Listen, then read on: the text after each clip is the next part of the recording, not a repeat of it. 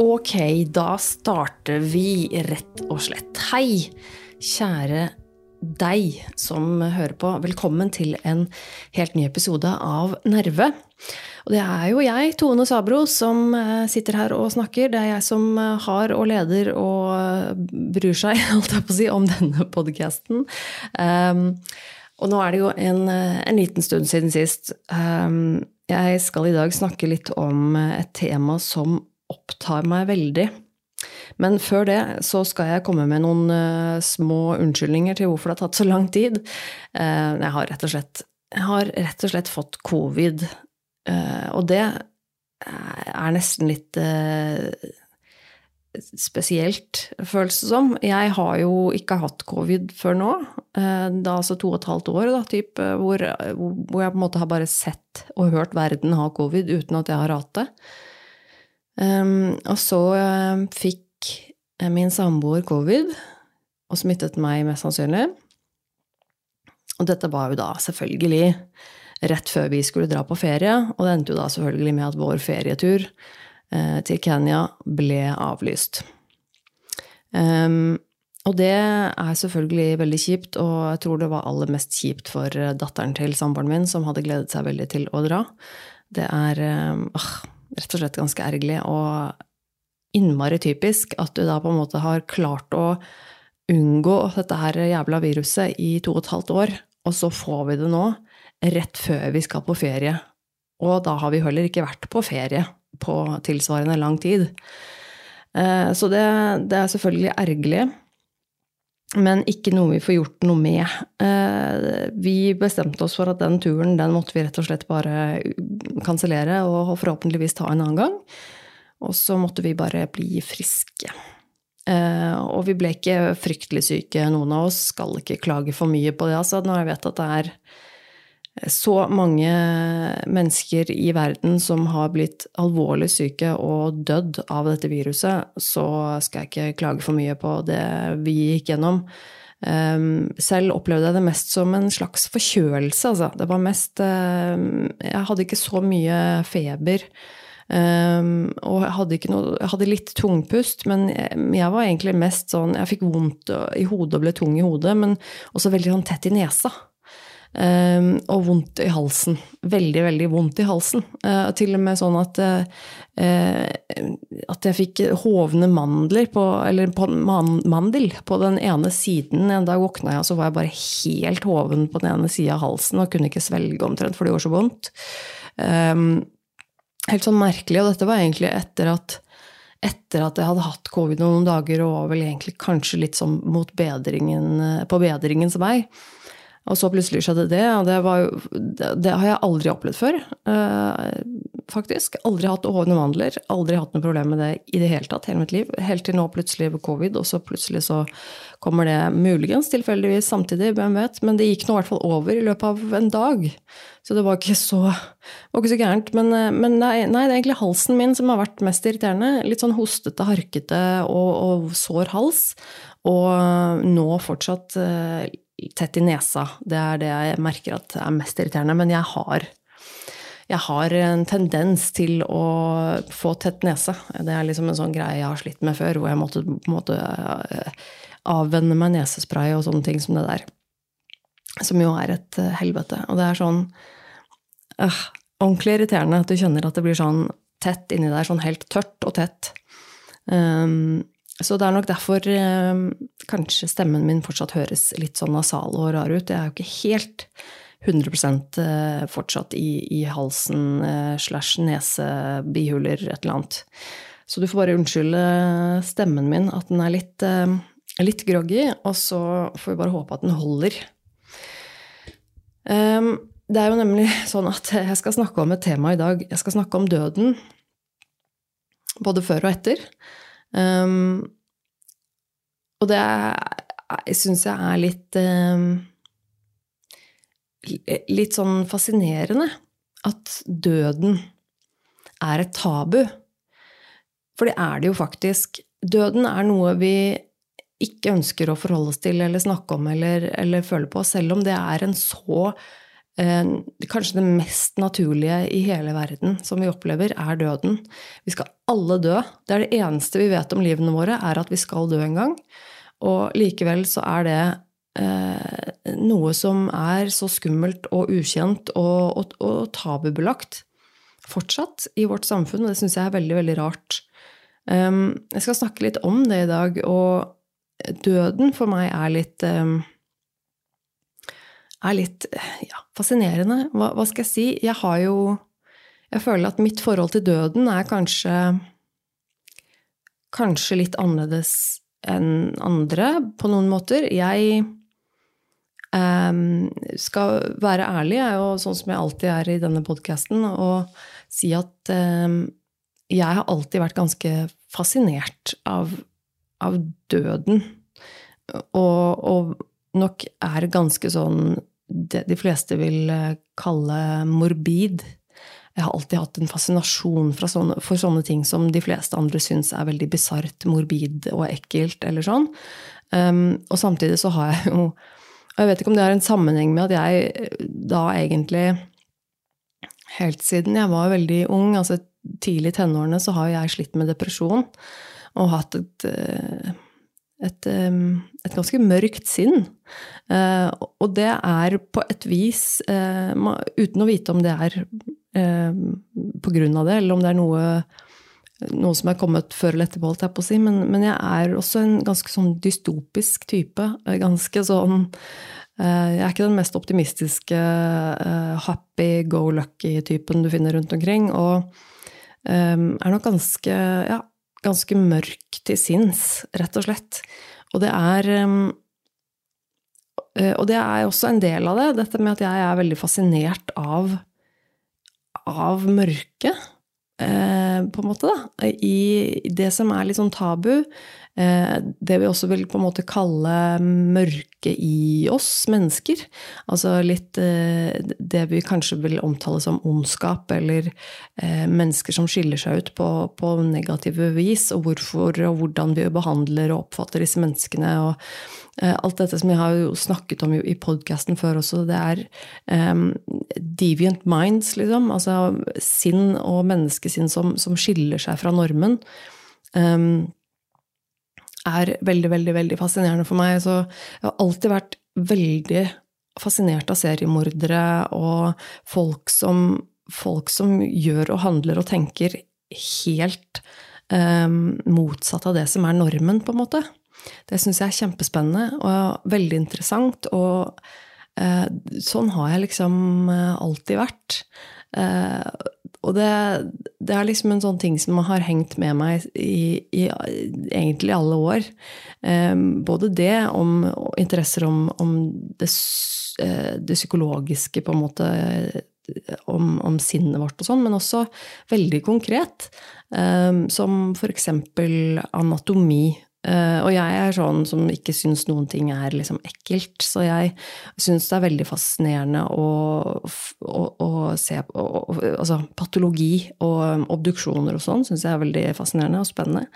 Så jeg er sånn som uh, kan følge med på uh, Instagram og sånn. Så kan jeg ha, følge på kontoer som, som er da jeg tror faktisk jeg har nevnt en tidligere episode av denne podkasten Eh, en dame i USA som heter Nicole Angemy, som eh, er en Ja, hva heter hun? Så hun er vel eh, obduksjonstekniker. Eller patolog. Og, og har en Instagram-konto og en nettside som hun bruker for å formidle kunnskap rundt dette. Og jeg syns det er utrolig fascinerende og spennende. Og da er det snakk om å poste altså alt eh, fra altså eh, av bilder eh, og caser da, av eh, f.eks. av en sykdom eller et eller annet syndrom eh, som er veldig spesielt. Et annet som har, noen har dødd av, f.eks. Eller det kan være en ulykke. Det kan være ja, en eller annen Altså hvordan en, lunge ser ut etter at uh, Nei, altså, ja, det kan være hva som helst. Og det er organer, og det er um, skader og jeg vet ikke hva. Um, og sykdommer og alt mulig rart, som nok kanskje de fleste vil si at man trenger en ganske sterk mage for å se. Og sånn er jeg. Jeg syns det er veldig spennende. Og, um, og gjerne videoer. Eh, så har jeg en sånn rar, uh, rar fascinasjon av andre altså, som min samboer syns er Som han gjerne gjør narr av meg for og syns er helt forferdelig.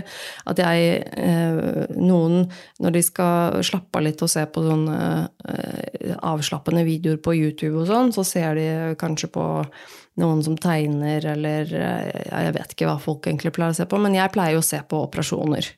Eh, så jeg har, eh, og spesielt da sånne veldig konkrete og tydelige operasjoner, gjerne hudleger som, som opererer ut en syste eller en, en, et lipom eller noe sånt, som er veldig sånn konkret. Du ser at her er det noe her er det noe galt. Her er det noe, noe, rart i huden, et eller annet, en kreftsvulst, hva som helst. Ehm, eh, og, og, som da filmer at eh, en operasjon, at sånn gjør man. Så skjærer opp her og leter seg fram teknikker, sånn og sånn. Eh, tar vekk det som ikke skal være der, og viser det, og hvordan det er. Og, og syr igjen, og teknikker på hvordan man syr, og altså alt mulig sånne ting. Og, og gjerne da mens denne legen da på en måte forteller hva de gjør og så jeg syns det er eh, utrolig deilig og bare tilfredsstillende på en ekstremt uh, bisarr måte, vil nok mange si. Uh, og det, og det syns jeg aldri er ekkelt. Det eneste Eh, det eneste jeg syns Det er litt, kanskje litt rart, men for, for, jeg kan se på sånne videoer av, av syster og alt mulig rart. Alt som de fleste syns har vært kjempe, er kjempeekkelt. Jeg syns aldri sånt er ekkelt. Med mindre det er uh, sånne uh, Hva skal jeg si amatørvideoer. Hvis det er sånn, sånn video hvor det er noen hjemme som skal klemme ut en kvise på en, en, annen person, eller et eller annet, det syns jeg er dritekkelt. Det klarer jeg ikke å se på. At, og jeg vet ikke hvorfor, men det, men det, er det der med at det er sånn amatør og gjort hjemme og sånn, det syns jeg er kjempeekkelt. Men, så, men, med en gang de blir flyttet inn i et sånt profesjonelt uh, rom, uh, hvor alt er liksom uh, kirurgisk renset, og, og, alle har på seg på en måte hansker og munnbind, og alt blir gjort veldig sånn Eh, sånn proft og sterilt, da syns jeg det er veldig fint å se på. Men eh, alt som er sånn noen som filmer noen hjemme og sånn, nei, det, det syns jeg bare Det blir, det blir skittent og ekkelt med en gang. Uh, av en eller annen grunn. Um, men sånn, sånn, er jeg. Jeg tenker, jeg er også sånn som, som hvis jeg er på tur til utlandet, jeg er sånn som helst veldig gjerne oppsøker rare og bisarre museer og sånn. Og jeg vil gjerne gå på naturhistoriske eller andre ting av eh, medisinske eh, museer og se på eh, krukker på, med formaldehyd, med rare fostre og sånn på glass. Og jeg elsker det. Altså, det er noe av det mest fascinerende og spennende jeg vet om. Og jeg, eh, jeg, var sånn som alltid har vært glad i å tegne og sånn. Jeg husker at eh, i min ungdomstid jeg var alltid sånn som tegnet veldig bisarre, surrealistiske ting. Det var alltid veldig sånn rare ting jeg tegna. Eh, morbide motiver. Jeg kunne, jeg kunne, sitte og tegne på en måte alt fra eh, at et menneske som ble, som ble, på en måte spiddet med sånn ja, altså med sånne organer og sånne rare ting. Eh, eller eh, surrealisme, eksempel, kunne lage et sånn selvportrett hvor, um, hvor jeg da hadde skuffer i ansiktet, eksempel. Altså sånn veldig, veldig sånn surrealistisk, merkelige, rare, rare ting som jeg syns er veldig gøy. Og så er det jo um, og det er jo helt, dette er jo det er helt naturlig. Dette er jo kroppene våre. Det er sånn alle mennesker vi ser sånn ut innvendig, og det er så naturlig for meg. Eh, det er liksom helt eh, Jeg syns aldri et sår er ekkelt, eller, eh, eller blod, eller, eller altså jeg, Nei, jeg syns det er fascinerende, og det er naturlig. Det er på en måte ikke noe ekkelt med det i mitt hode. nå har jeg det utgangspunktet ikke nødvendigvis noe med døden å gjøre. Det er jo eh, som regel eh, operasjoner og sånne videoer jeg ser på, så er det jo som regel på levende mennesker. Men, eh, men det er noe med at død også er er Det er jo naturlig. Det er jo naturlig. Men likevel så er det såpass tabu. Det er noe som vi syns er fremmed og skummelt. Og det er ingen av oss som vet hva som skjer med oss når vi dør. Eh, og det er selvfølgelig skummelt. Mennesker er redde for det som er ukjent. Men jeg tror også at eh, mitt forhold til Mitt personlige forhold til døden har jo også vært kanskje et litt annet enn det de fleste andre Jeg har jo som sagt også slitt med, eh, med depresjon og suicidalitet og det å ønske å dø er jo også noe jeg har kjent på flere ganger i livet mitt i perioder. Um, og også det å forsøke å dø, det å faktisk genuint ønske å ikke leve mer, um, er også en, dessverre, en følelse jeg kjenner. Um, og det er litt sånn rart, uh, fordi at det, det gjør at jeg nok uh, ikke er redd for å dø. Jeg vil jo på en måte si det eh, så, kanskje litt Altså per nå, her jeg sitter nå mens jeg prater, så, så, er det jo ikke sånn at jeg har et ønske om å dø. Det har jeg ikke. Eh, men jeg kan heller ikke si at jeg er veldig redd for å dø. Eh, og jeg har nok heller ikke vært det så lenge jeg kan huske, tror jeg. Jeg syns jo veldig, veldig ofte, stort sett i livet mitt, at det å leve er veldig, veldig mye mer skummelt enn det å dø.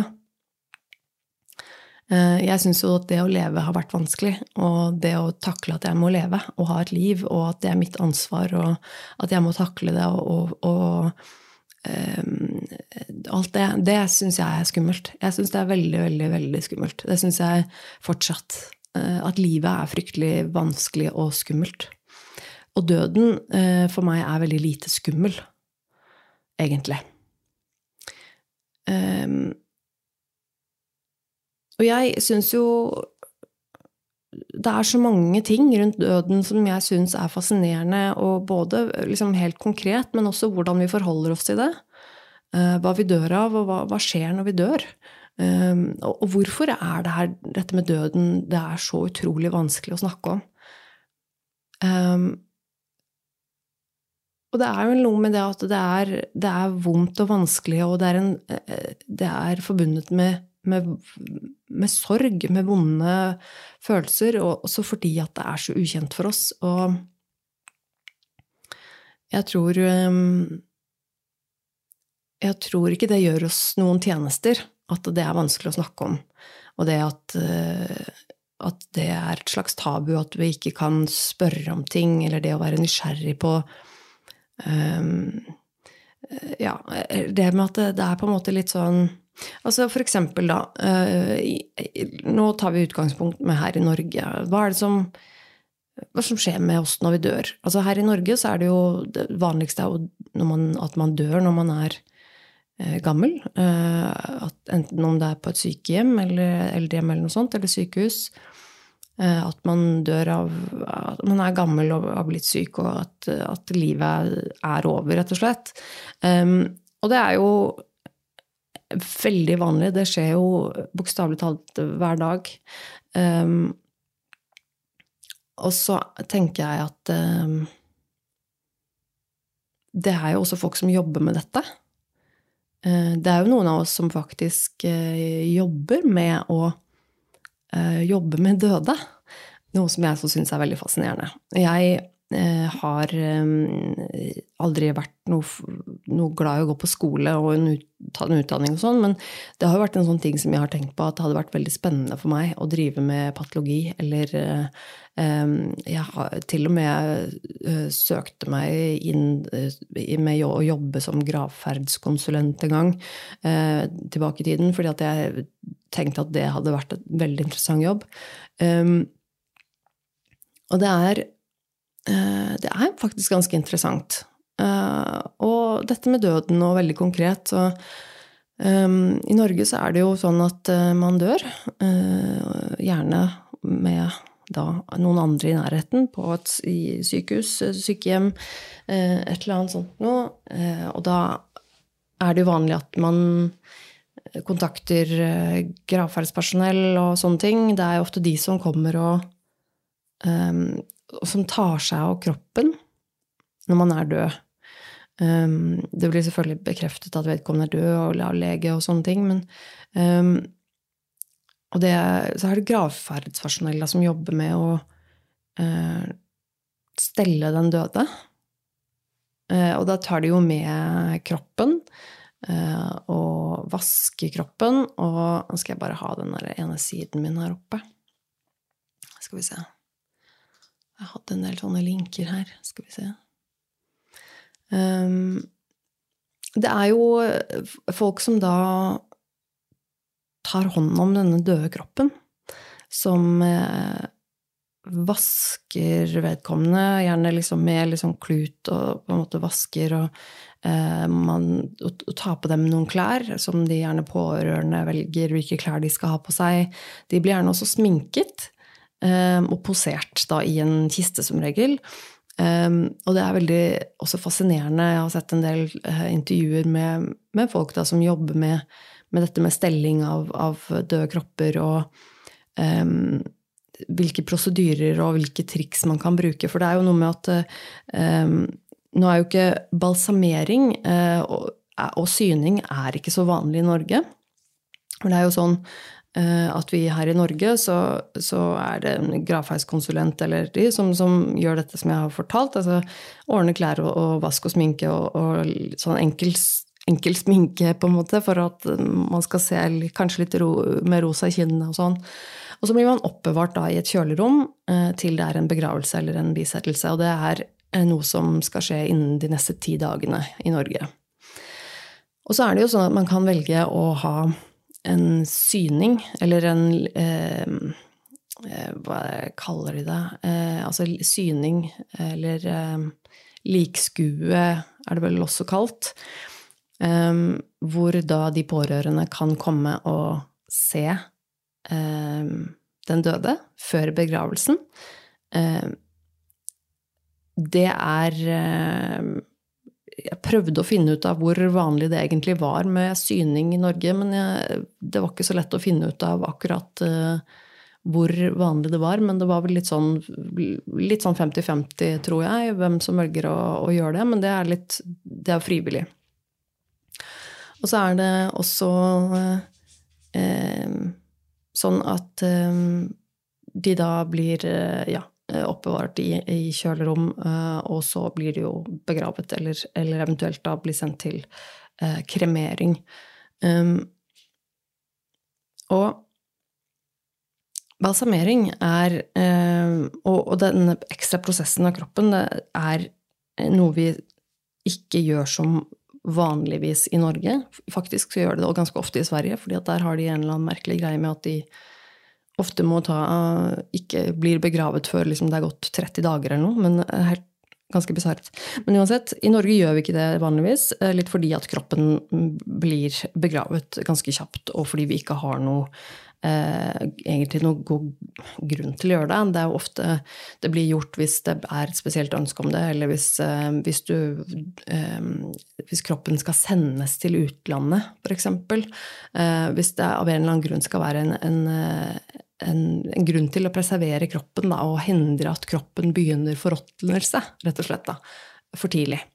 Eh, så kan man eh, balsamere kroppen. Og da vil jo si da at man, eh, man sprøyter inn balsameringsvæsker inn i blodårene i kroppen, enten enten da ved at man tømmer ut blodet av kroppen først, eller blander det i blodet, og så gjerne fjerner organer og sånne ting, og fyller kroppen med konserveringsmidler, rett og slett. Ehm, ganske fascinerende. Eh, og det, dette er jo mennesker som jobber med, og som gjør hver, hver dag. Og eh, spesielt f.eks. I, eh, i USA så er det jo forholdsvis vanlig. Ehm, hvor de også balsamerer og har en åpen kiste, kanskje, f.eks. I Norge er heller ikke det så veldig vanlig at vi har en eh, åpen kiste i en begravelse.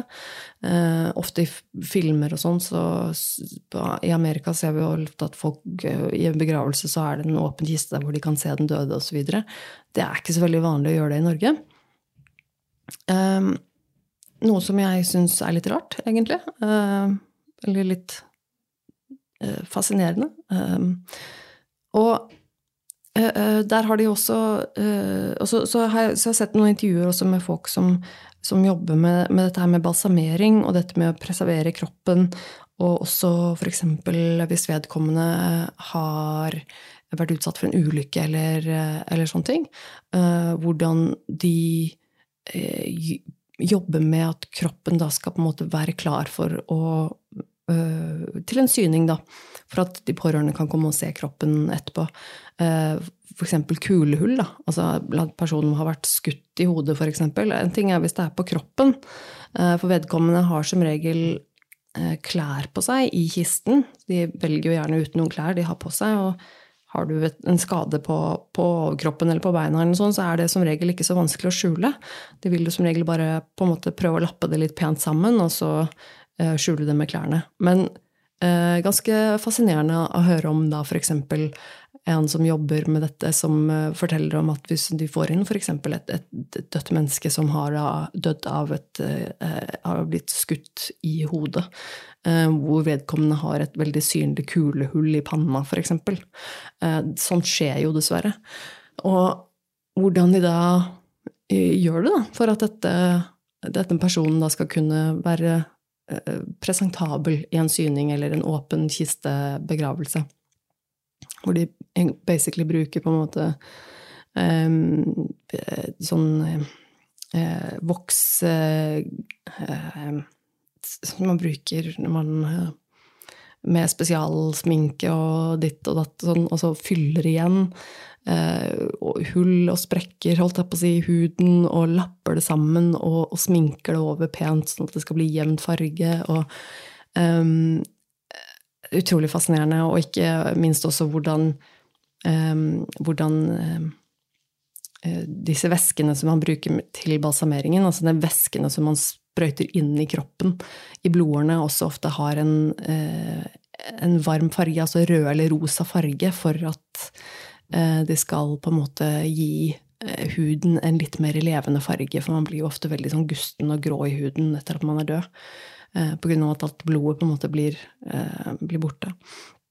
Eller synker. Så det, måte, det, det, er så mye fascinerende. Eh, dette er ting som, som opptar meg veldig, som jeg syns er utrolig spennende å høre om.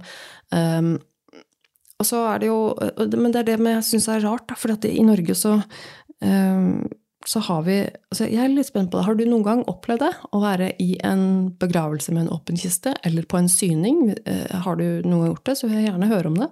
Jeg har aldri gjort det selv. Jeg har nesten aldri vært i en begravelse. Ehm, jeg har vært i noen få, eh, heldigvis ikke så mange. Eh, men det har vært da, holdt jeg på å si, veldig vanlige norske begravelser, hvor det er en, en kiste en, med en, en lukket hvit kiste som som blir båret ut og sunket ned i eh, jorda. Og eh, jeg syns jo det er litt fascinerende at vi at vi har Jeg har litt inntrykk av at, det, at de døde er liksom noe vi ikke vil se. At det, det å ha en åpen kiste eller åpen begravelse sånn sett, at det, det er på en måte eh, litt tabu. At vi ikke har noe ønske om å se den døde. At det er på en måte um, for meg er det litt, litt, sånn rart at i Norge at vi er litt sånn konservative på det. på, på en måte, At det er litt sånn, vi skal skjerme oss fra det. Eller at det er litt sånn eh, ja, mindre vanlig, rett og slett. Det er som sagt ikke ulovlig. eller det, det er, Som regel så kan man ha det hvis man ønsker det, i Norge også. Men det er jo absolutt ikke det vanligste å gjøre det. Um, nå er jeg litt usikker på om det er det vanligste å gjøre i USA, f.eks., men jeg har i hvert fall inntrykk av at det er veldig mye mer vanlig. Og det også syns jeg er litt fascinerende. At de da på en måte uh, for, det virker som om vi her i Norge er litt redd for det. Uh, at vi er litt redd for å se et dødt menneske, eller er det på en måte er det tabu, eller er det, er det ekkelt? Um, er det noe vi skal skjerme oss fra? Litt den type ting. Jeg syns jeg er litt eh, fascinerende og egentlig helt idiotisk. Jeg tenker jo at det at vi på en måte da skal eh, skjerme, skjermes fra det aspektet av livet, eh, er ikke en, ikke en fordel. Jeg, jeg, tenker jo at det å Det å, ha muligheten til å ha et slags nært forhold til hva det vil si å dø også, er en god ting, da. Uh, og det at uh, man f.eks. Uh, at det skal være kontroversielt å ha, med seg barn på, på liksyning, f.eks., eller um, uh, ja, på syning uh, av en eh, besteforelder, eller hvem det skal være, sant, som har dødd. Og så at man kanskje da vil på en syning og, og få sagt et siste farvel før en begravelse. Men skal man ha med seg barn, eller skal man ikke det? Og hvorfor ikke? Lurer jeg på da. Jeg tenker jo at Misforstå meg rett, jeg skjønner jo at dette selvfølgelig er vanskelig og trist, og det kan være rart. og men det er noe med at du eh, denne med, Dette instinktet vi har da for å skjerme barna våre uh, fra å se noe sånt, er jo egentlig ganske rart. Og i hvert fall i forhold til når vi tenker på veldig mange andre kulturer, hvor døden og eh, det å dø er, er en veldig mye mer mye større del av kulturen. Det er en mye mer akseptert del av kulturen. Det er helt naturlig og en ting som, som skal være en del av, av, livet til de som er igjen, på en måte. Da. mens her eh, i Norge så syns jeg det virker veldig, veldig stivt og veldig rart, akkurat det der at, den, at, det at vi dør, og det at når noen dør, det, det, det skal på en måte um, det skal skyves litt unna. Det er vondt og vanskelig, og vi skal ikke se dem. Vi skal ikke snakke om hva de gjør med kroppene. Vi skal ikke høre om, um, om, om rutiner og, og hvilke Alt dette er litt ekkelt og, og, vondt og ufint og, og sånn. Og det syns jeg er veldig fascinerende. Um, jeg syns jo det er um, helt merkelig egentlig, når du tenker over hvor naturlig det er døden, hvor naturlig del av livene våre døden er, så er det jo egentlig helt bisart hvor hardt vi ønsker å skjerme oss fra den. Um, det er i hvert fall sånn jeg oppfatter Norge og, og vår liksom, kultur rundt døden her i Norge, da. Og jeg tror også at det er um, um, At det er et stort tabu å snakke om og det å være redd for døden eller ikke redd for døden, og det å, å snakke om hva som skjer eller ikke skjer etter man er død, eller uh, hva man er redd for og, eh, og det å snakke om dødsfall, eh, det, av f.eks. at man kjenner noen som er død, eller eh, jeg, jeg, føler liksom at det ofte blir en sånn um, At man tripper litt på tå. Og så misforstå meg rett nå, jeg skjønner selvfølgelig at, at man vil være forsiktig med hva man sier, at man ikke ønsker å um, at man ikke ønsker å fornærme noen eller gjøre noe verre for noen. Eller hvis det er noen som har mistet noen som er, noen som er nær en, så er det selvfølgelig veldig vondt og trist. Og sorg er jo absolutt noe man skal ta på alvor uh, og respektere. Men det er likevel noe med at jeg føler at, uh, at det er ubehagelig for oss å takle. Um, altså by proxy. altså sånn at Hvis det er noen vi kjenner, eller noen andre som har mistet noen som sørger, så syns vi det er veldig ubehagelig å forholde oss til. Og det å bare si 'kondolerer', f.eks., at de fleste, jeg meg inkludert, syns det er et veldig sånn rart ord. Um, det, å kunne, det, å bare si 'kondolerer' um, At det det er mange jeg har snakket med også som oppfatter det at det er, det er litt sånn kleint. Det er litt sånn rart. Eh, det føles eh, unaturlig og, og, og, og rart. Um, og så har vi egentlig ikke noe bedre ord for det. Jeg, jeg syns kondolerer er et veldig kjipt ord, egentlig. Um, det, det, er så tørt og sånn veldig sånn upersonlig.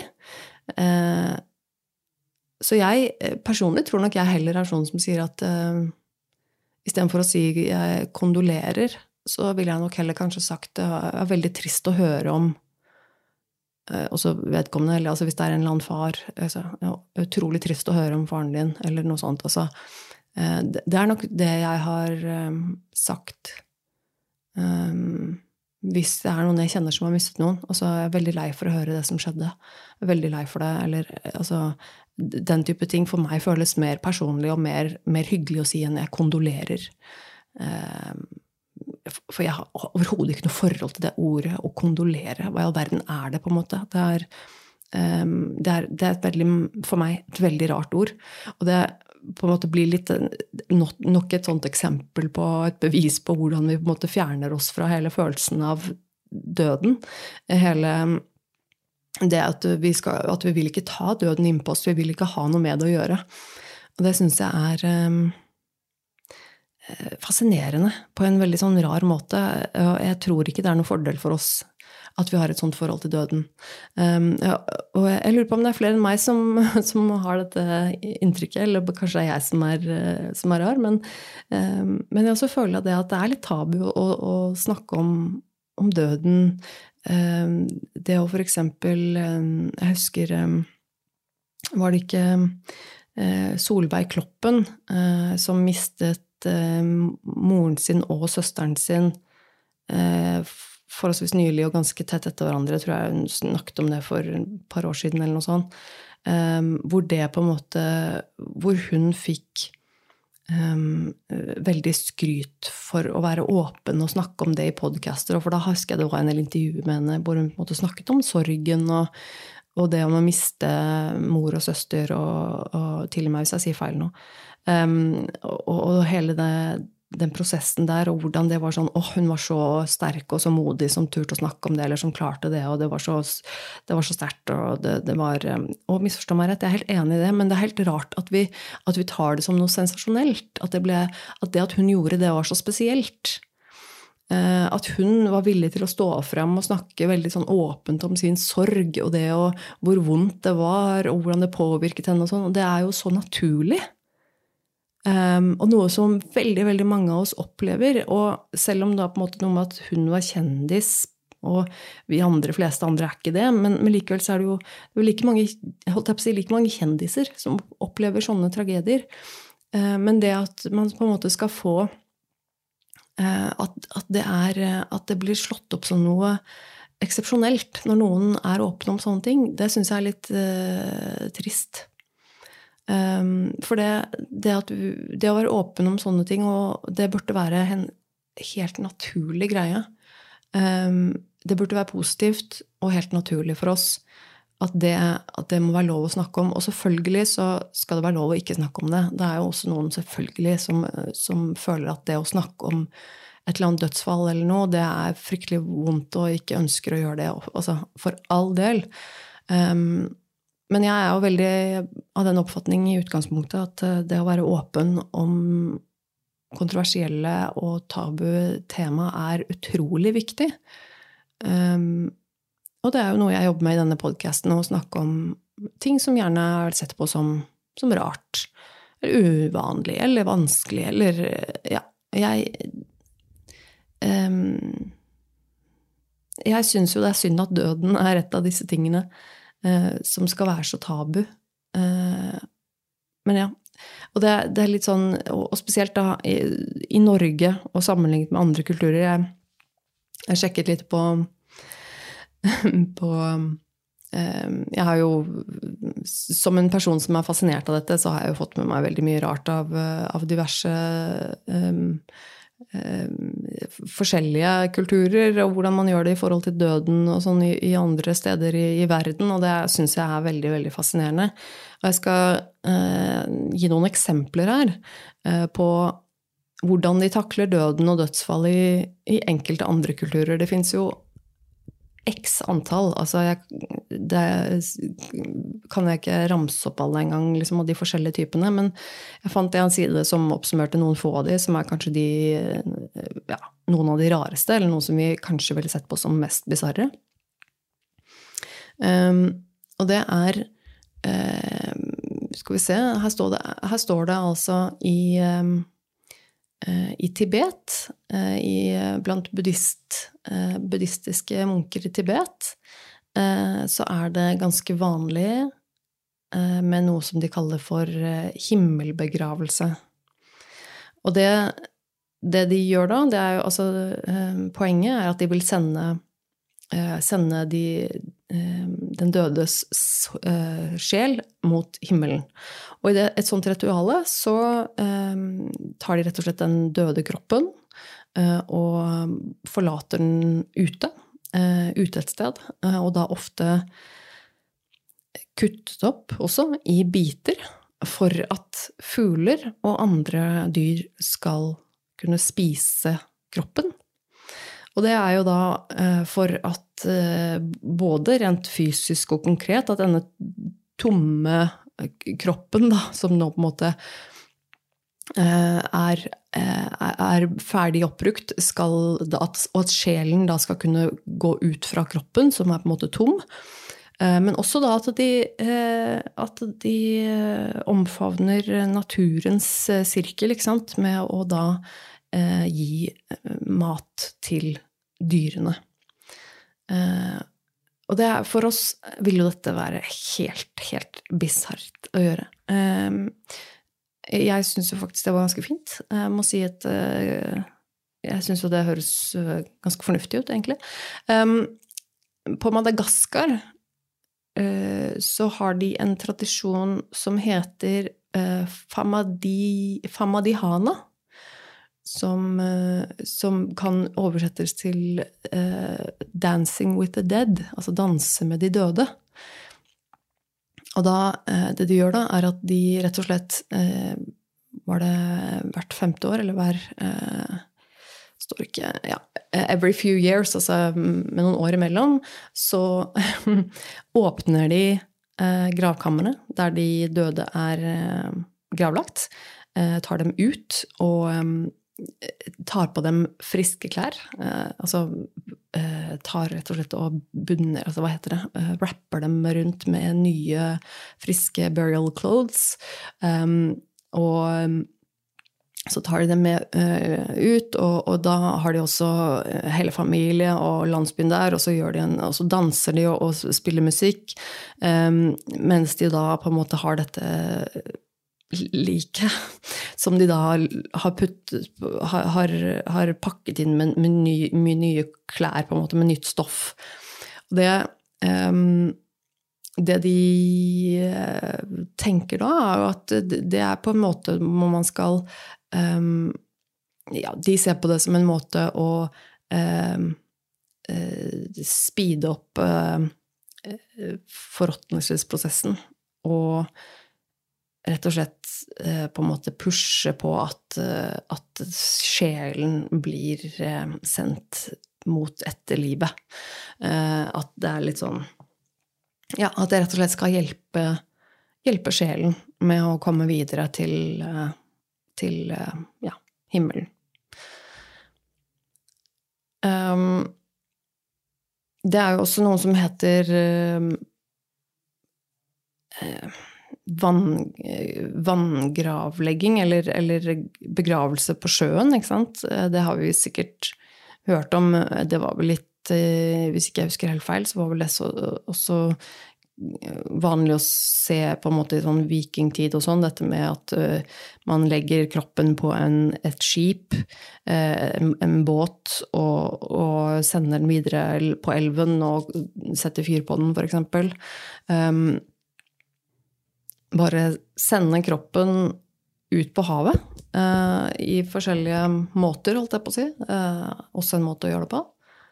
Um, I India så er det en uh, tradisjon et sted i India Dette er jo, I India også finnes det jo selvfølgelig mange forskjellige. Men her er altså en, en type tradisjon i India som involverer at det er en parade. Eh, hvor de tar da den døde og med seg på denne paraden gjennom gatene. Og da har de gjerne pakket inn den døde kroppen i forskjellige farger på, på på liksom stoffene som de pakker den døde kroppen i, da, eh, som, eh, som, har forskjellige betydninger i forhold til hvem denne personen var. Eh, da har du f.eks. rødt brukes for renhet. Gult var for kunnskap og sånne ting, for eksempel Også dette har jo selvfølgelig noe med etterlivet og dette med å få sjelen videre og, og også skal vi hjelpe med reinkarnasjonen og, og, sånne ting. Og så de, eh, tar de vann fra Gangeselven og, og eh, spruter på kroppen og sånn. Eh, og så blir de kremert etterpå. Dette også er jo for oss i, i vår kultur helt merkelig at vi skulle ha en, en død kropp som vi går parade med rundt i, i, i gatene, liksom. Veldig rart. Um, og dette hadde ikke jeg hørt om før, faktisk, men i, i,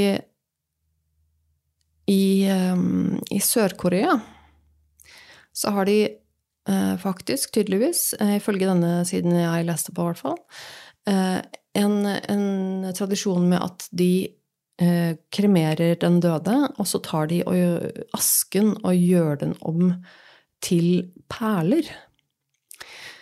Eh, og de eh, gjør disse perlene veldig sånn blanke og, fine og litt, forskjellige farger. Eh, og litt sånn rosa og svart og turkis og, og, sånn. Og så kan de bli plassert inni glassvaser eller i en sånn slags uh, uh, altså skål.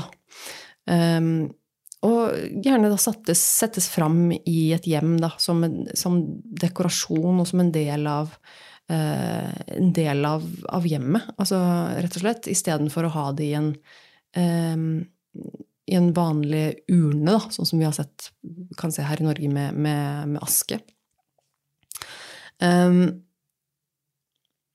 og det er også um, en litt sånn kul greie, for der er det jo dette spørsmålet altså I Sør-Korea også er det jo spørsmål om plass, plutselig. For dette med, dette med å begrave et menneske, det tar jo plass. Helt fysisk. Skal du ha en gravplass, så uh, trenger du et uh, areale hvor det er plass til folk, at de blir gravlagt. Og når det er sånne land som, uh, som Sør-Korea, da er det fryktelig, fryktelig mye mennesker. Og der er det jo plassmangel. Eh, bare for de levende er det jo plassmangel. Og jeg syns jo da at dette er på en måte en måte å gjøre det for eh, hvor de sparer på plass. Eh, for da blir det ikke et sånt gravsted på den, på den samme måten.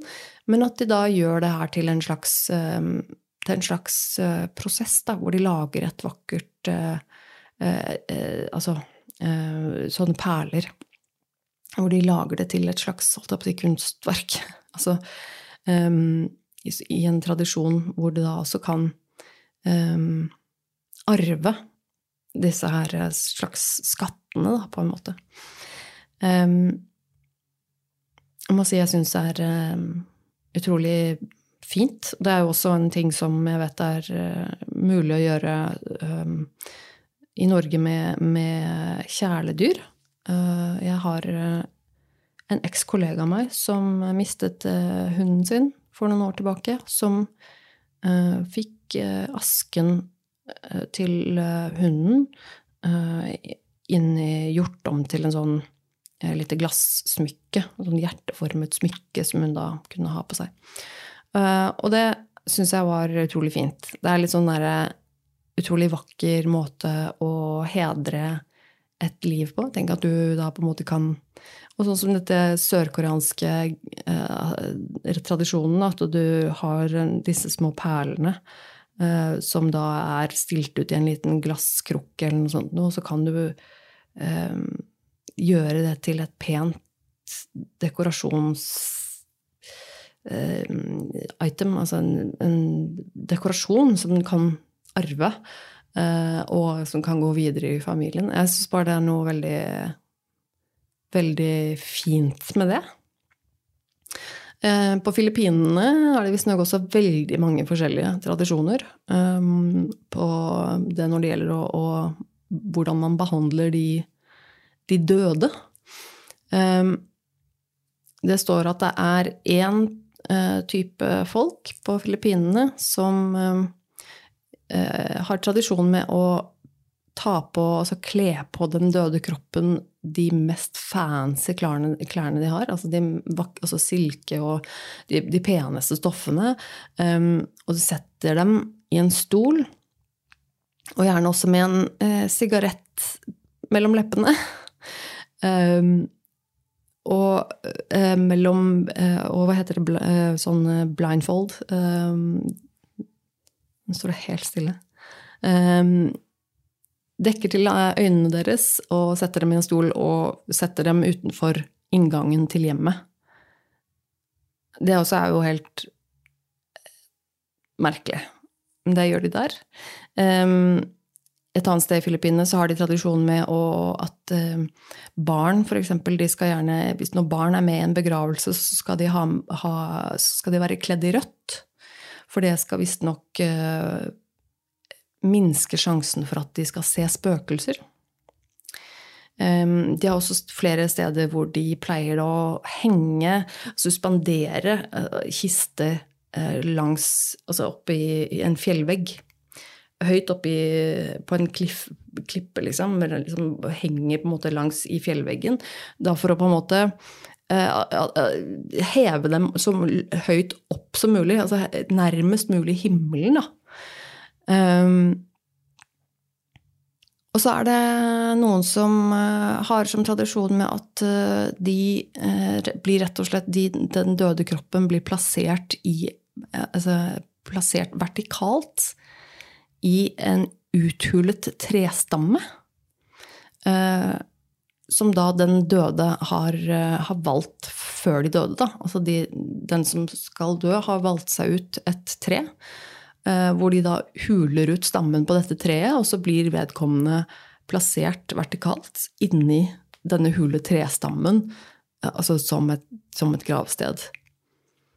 Um, det er veldig, veldig spesielt. Og dette er jo bare noen få av veldig mange forskjellige typer ritualer rundt omkring i verden. Og jeg må si at jeg syns nesten Jeg syns nesten alle er bedre enn det vi gjør i Norge. Eh, kanskje ikke alle. Jeg vet ikke om jeg er så fan av det derre eh, få en sigarett i munnen og kledd opp i sånn fancy stoffer og bli satt i en stol utafor døra. Jeg vet ikke om jeg syns det er så stilig. Men um, f.eks. dette med, med buddhismen, buddhistmunkene som tar og deler opp kroppen og, i biter og, og, og, basically mater kroppen til ville dyr, da, fugler og dyr. Um, jeg syns det er noe veldig fint uh, med det.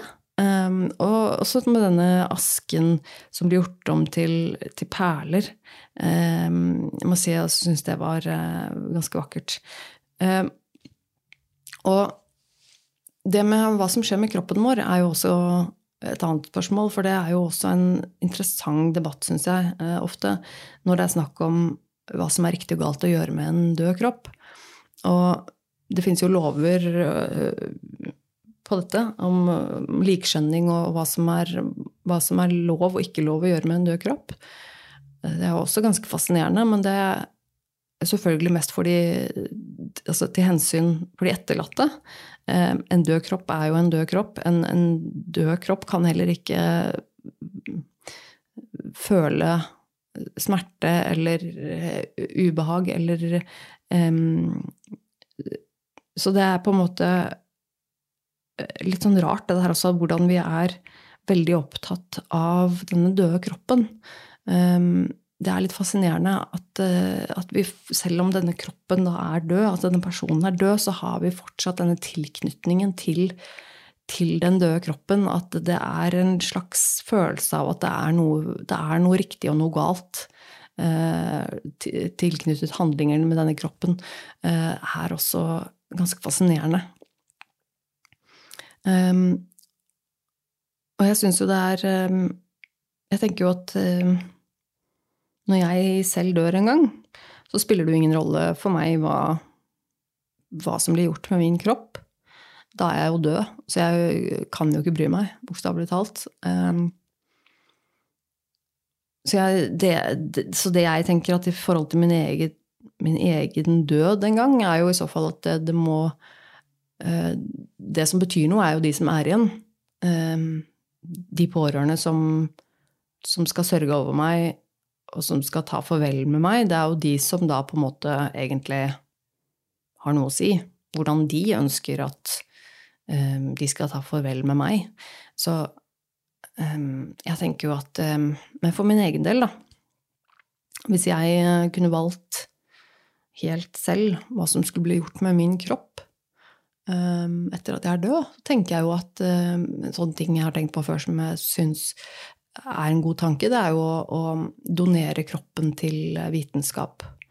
Um, det har jeg alltid tenkt på som en, en sånn fin greie, egentlig. En ting er jo selvfølgelig organdonasjon. Hvis det er mulig, i den grad det er mulig når jeg dør, så vil jeg gjerne gjøre det. Men også donere kroppen min til vitenskap kan være, kan være en fin ting. Um, sånn at man faktisk kan forske på menneskekroppen. At min kropp kan bidra til å hjelpe noen andre med å bli klokere på noe etter at jeg er død. Um, men jeg liker også veldig godt den tanken på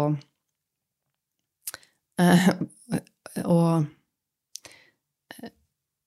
ja, at kroppen min skal, ja, at kroppen min skal være nyttig. Da. At, at for eksempel men i eh, buddhismene som, buddhistene som, som, mater ville dyr med kroppen. Jeg syns jo det er en utrolig fin tanke.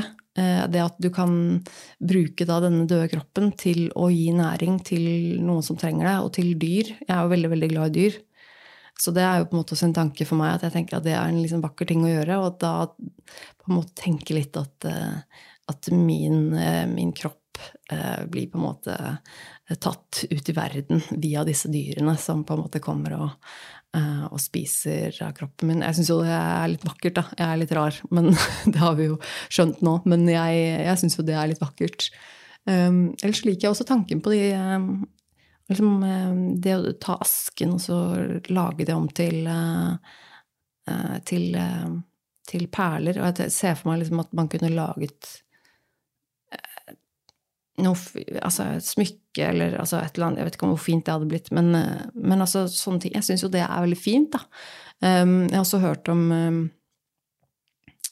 um, Leste om et eller annet sted uh, i forbindelse med, med kjæledyr, da, uh, at, du, at, det var steder som tilbød deg også Hvis du hadde kjæledyret, asken til, til kjæledyret ditt, uh, så kunne du sende inn, og så ville de gjøre om asken eh, til en diamant. Um, at de vil i hvert fall Nå er jeg litt usikker på akkurat hvordan det funker. Om de har liksom karbon nok i den asken til å bare presse det til en diamant, eller om de på en måte inkluderer den asken i altså ja, Uansett, at asken blir gjort om til en diamant, som du da kan ha i et smykke eller en, en ring eller et eller annet sånt noe. Det også er sånn som jeg bare tenker at åh, det er så vakkert. Det kan, jo, kan jeg ha med meg eh, pelsdatteren min for alltid i en vakker stein. Eh, sånne ting syns jo jeg er litt eh, koselig, da. Um, um, så jeg vet ikke. Jeg tenker jo at uh, det, det, Jeg tenker at når jeg faktisk dør en gang, så så blir det jo nok litt opp til de som er igjen, de pårørende, hvordan de veldig gjerne vil at, at min, min farvel skal bli gjort. Det har mye å si. Eh, fordi eh, jeg er jo dau, så jeg bryr meg ikke. Men jeg tenker jo at eh, tanken med at min, min kropp, min døde kropp, kan, um, kan være til nytte, det syns jeg er en fin tanke. Um, jeg skal Skal vi se Der var vi. Jeg skal, jeg skal, jeg skal slutte å snakke nå. Um, Nå har jeg vel snakket lenge nok. Jeg føler det alltid Det blir, det blir aldri så strukturert og, og, detaljert som jeg ønsker, dette her. Har, det er så mange ting. det er så mange ting med døden som er spennende. Og kunne, dette er en sånn ting jeg kunne snakket så mye om. Men uansett, jeg skal komme med noen tips helt på slutten som eh, kanskje står litt i stil med temaet i dag. Jeg eh, og min samboer vi så en film her for, eh, forleden eh, som jeg syns var fantastisk eh, fascinerende. Eh, en norsk film som heter De usynlige. Ikke til å forveksles med den fra 2008. Dette er en ny film fra i fjor, 2021 som heter De usynlige, og som er spilt inn i Oslo, uh, rett ved der hvor jeg eh, jobba før. Så jeg kjente meg igjen veldig godt. Uh, det var litt, en ekstra, ekstra litt gøy for meg da, som så den videoen, at jeg kjente meg igjen i området der hvor de hadde filma dette. Um, men den er rett og slett det er, jeg vet ikke hva jeg skal si, skrekkfilm eller thriller eller hva, men den er um, den er rett og slett ganske forstyrrende og fascinerende og ekkel og utrolig bra. Um, veldig kort fortalt kan jeg lese det her. Uh, De usynlige handler om en familie som flytter inn i en ny leilighet i en blokk på østkanten i Oslo. Vi blir med søstrene Ida og Anna når de utforsker sine nye omgivelser og blir kjent med en jente og en gutt som begge viser seg å ha evner utenom det vanlige. Det som starter som en lek, blir raskt noe langt mer alvorlig og skremmende. Så det er jo aspekter her av noe overnaturlig. Eh, men den er overhodet ikke um, en sånn overnaturlig film, hvis du skjønner hva jeg mener. Den er uh, veldig nedpå. Og veldig, veldig forstyrrende på en veldig litt sånn norsk måte, hvis det er lov å si.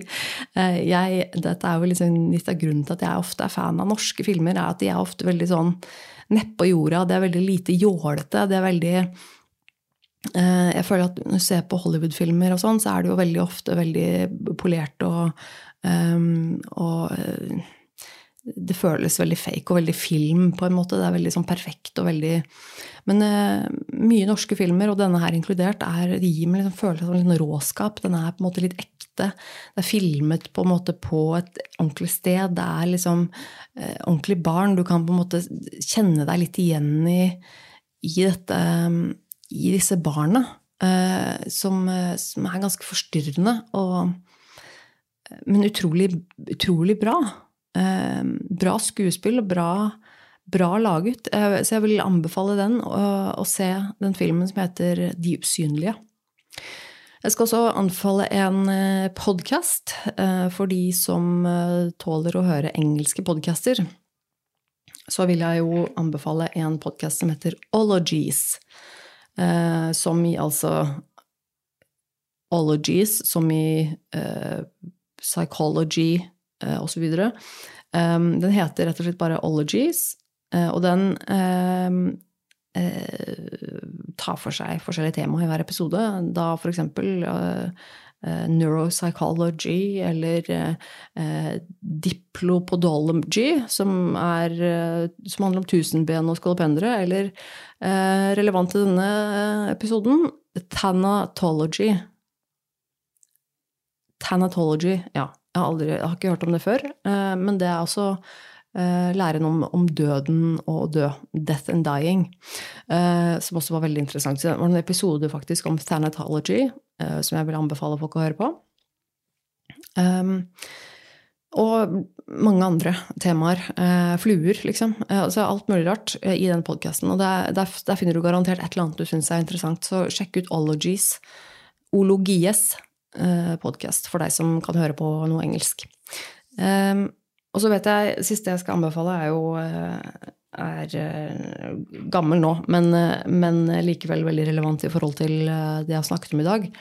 For deg som syns at dette her er litt interessant, så vil jeg anbefale deg å se Dark Tourist på Netflix, hvis du ikke har sett det. Det er noen par år gammelt nå vel, men det er en sesong Dessverre bare én sesong. Jeg håper jo fortsatt at det kommer mer, men jeg tror ikke det gjør det, dessverre. Um, Dark Tourist er rett og slett bare en um, eh, hva skal jeg si, dokumentar um, reis, reisedokumentarserie, liksom. Med en, en fyr som, som, drar og er turist, en såkalt dark tourist, som drar og, og sjekker ut forskjellige liksom bisarre, rare ting rundt i verden, som da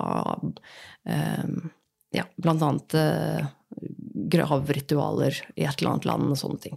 Som veldig fascinerende og veldig kult. Um, så jeg vil absolutt anbefale Dark Tourist på Netflix. Um, utenom det så må jeg selvfølgelig promotere min egen eh, podkast som heter Virkelig grusomt, som er blitt ganske populær. Veldig gøy. Um, som handler om litt sånn true crime og ekte hendelser. Ellers så setter jeg, alle, setter jeg pris på alle som sjekker ut YouTube-kanalen min, som heter Tone Sabro det er jo ikke mye jeg får av views og penger inn der, men litt eh, Altså, alle monner drar, så hvis du er interessert i å sjekke det ut, så gjør gjerne det. Fordi Det er helt gratis eh, for deg som går inn og ser på videoene. Det er helt gratis, men det gjør jo at jeg får litt støtte og kan potensielt tjene noen flere kroner på YouTube. Sammen med, med Patron. Hvis du har lyst til å støtte meg der, så gjør gjerne det. Jeg har noen veldig få patrons. Jeg er ikke noe flink til å promotere den, dessverre. Um, for de som har lyst til å støtte meg på Patron, så kan du gå inn på patrion.com slash tonosabro uh, og støtte meg der med en liten uh, symbolsk sum i måneden. Men det blir jo, ja, som sagt, mange måneder drar. Um, og så er det jo eh, rett og slett bare å si takk for i dag. Eh, og hvis du vil kontakte meg, så setter jeg stor pris på å høre fra deg. Eh, send meg enten en mail på nervemetone at gmail.com, eller så finner du meg i sosiale medier. Enten nervemetone på Instagram og Facebook, eller Tone Sabro, som jo er navnet mitt, og det er det jeg heter som regel også på internett. Så det er ganske lett å finne meg. Jeg prøver å svare på de som kontakter meg ikke alle mailer jeg får svart på, men uh, hvis du sender meg meldinger eh, på sosiale medier, og sånt, så pleier jeg å få det med meg. Jeg prøver å svare.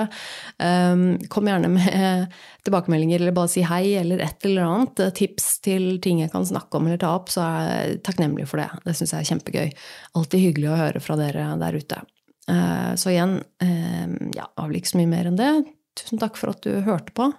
Eh, og fortell gjerne en venn om eh, podkasten hvis du syns den er bra. Eh, jeg har også satt pris på en sånn rate and review på, inni podkast-appen din hvis du har mulighet til det. For det, hjelper, det hjelper faktisk podkasten at den blir anbefalt til nye lyttere hvis den får en god rating. Og jeg tror ikke jeg har så god rating, for jeg har fått en del dårlige. Så hvis du har noe godt å si om podkasten min, så hadde jeg satt pris på en, eh, at du går inn og gir meg fem stjerner hvis du liker den. Så nei da. Men uansett, um, det er alt jeg skal si i dag. Og så vet jeg ikke når vi høres neste gang, men eh, det kommer nok en episode igjen om ikke så altfor lenge. Så får du passe på deg selv eh, så lenge. Og ja, vi høres. Ha det.